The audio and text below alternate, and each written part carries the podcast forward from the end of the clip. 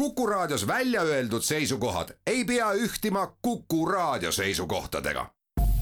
Te kuulate Kuku Raadiot.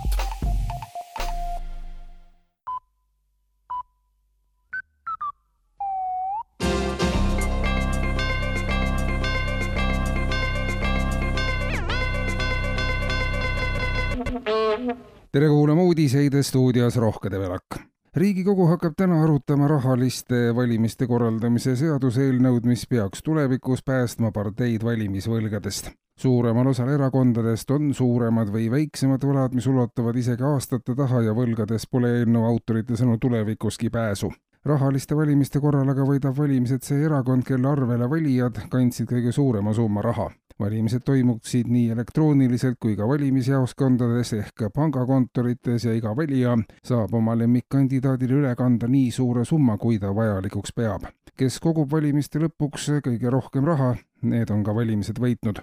kes aga valima ei taha minna, see saab oma protestiraha kanda otse riigieelarvesse soovi korral saab inimene võtta valimisteks ka erakonna käest tagastamatut laenu ja see tagab, et ta valida saavad ka need, kel muidu sissetulek seda ei võimaldaks. Rahalised valimised saaksid lõpetada ka segadused parteide rahastamise osas laiemalt. Tänasest saavad aga ettevõtted ja eraisikud saata Majandusministeeriumile võlakirju, milledes on ära toodud, kui palju üks või teine ettevõte või eraisik ühele või teisele ettevõttele või eraisikule võlgu on.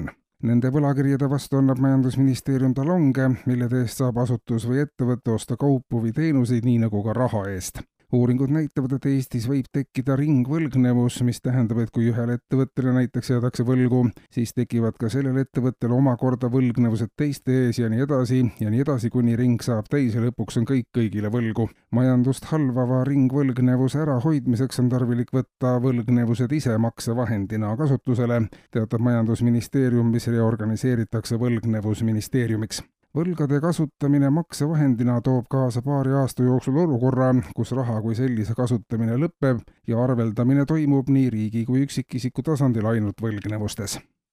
ja kultuuriteateid. eile moodustati Kärtses Eesti Kasulike Idiootide Selts ja kinnitati seltsi põhikiri. potentsiaalseid liikmeid on potentsiaalseid liikmeid on seltsil tuhandeid, kuid initsiatiivgruppi kuulub hetkel kahesaja inimese ringis Eesti Kasulike Idiootide Seltsi eesmärgiks on idiootsus esmakordselt Eestis kasulikuks muuta ja seega ootab selts ühiskonnalt ettepanekuid, kuidas nad saaksid kasulikud olla.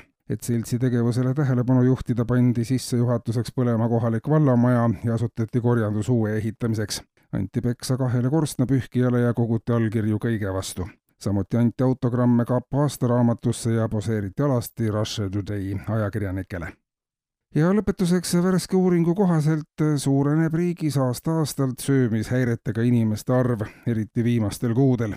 põhjuseid on erinevaid, peamiselt põhjustavad häireid söömises majanduslikud olud, mis ei võimalda regulaarselt süüa. positiivne on, et joomishäireid registreeritakse aga üha harvem, kõik, kes juua tahavad, selleks alati ka raha leiavad. kuulsite uudiseid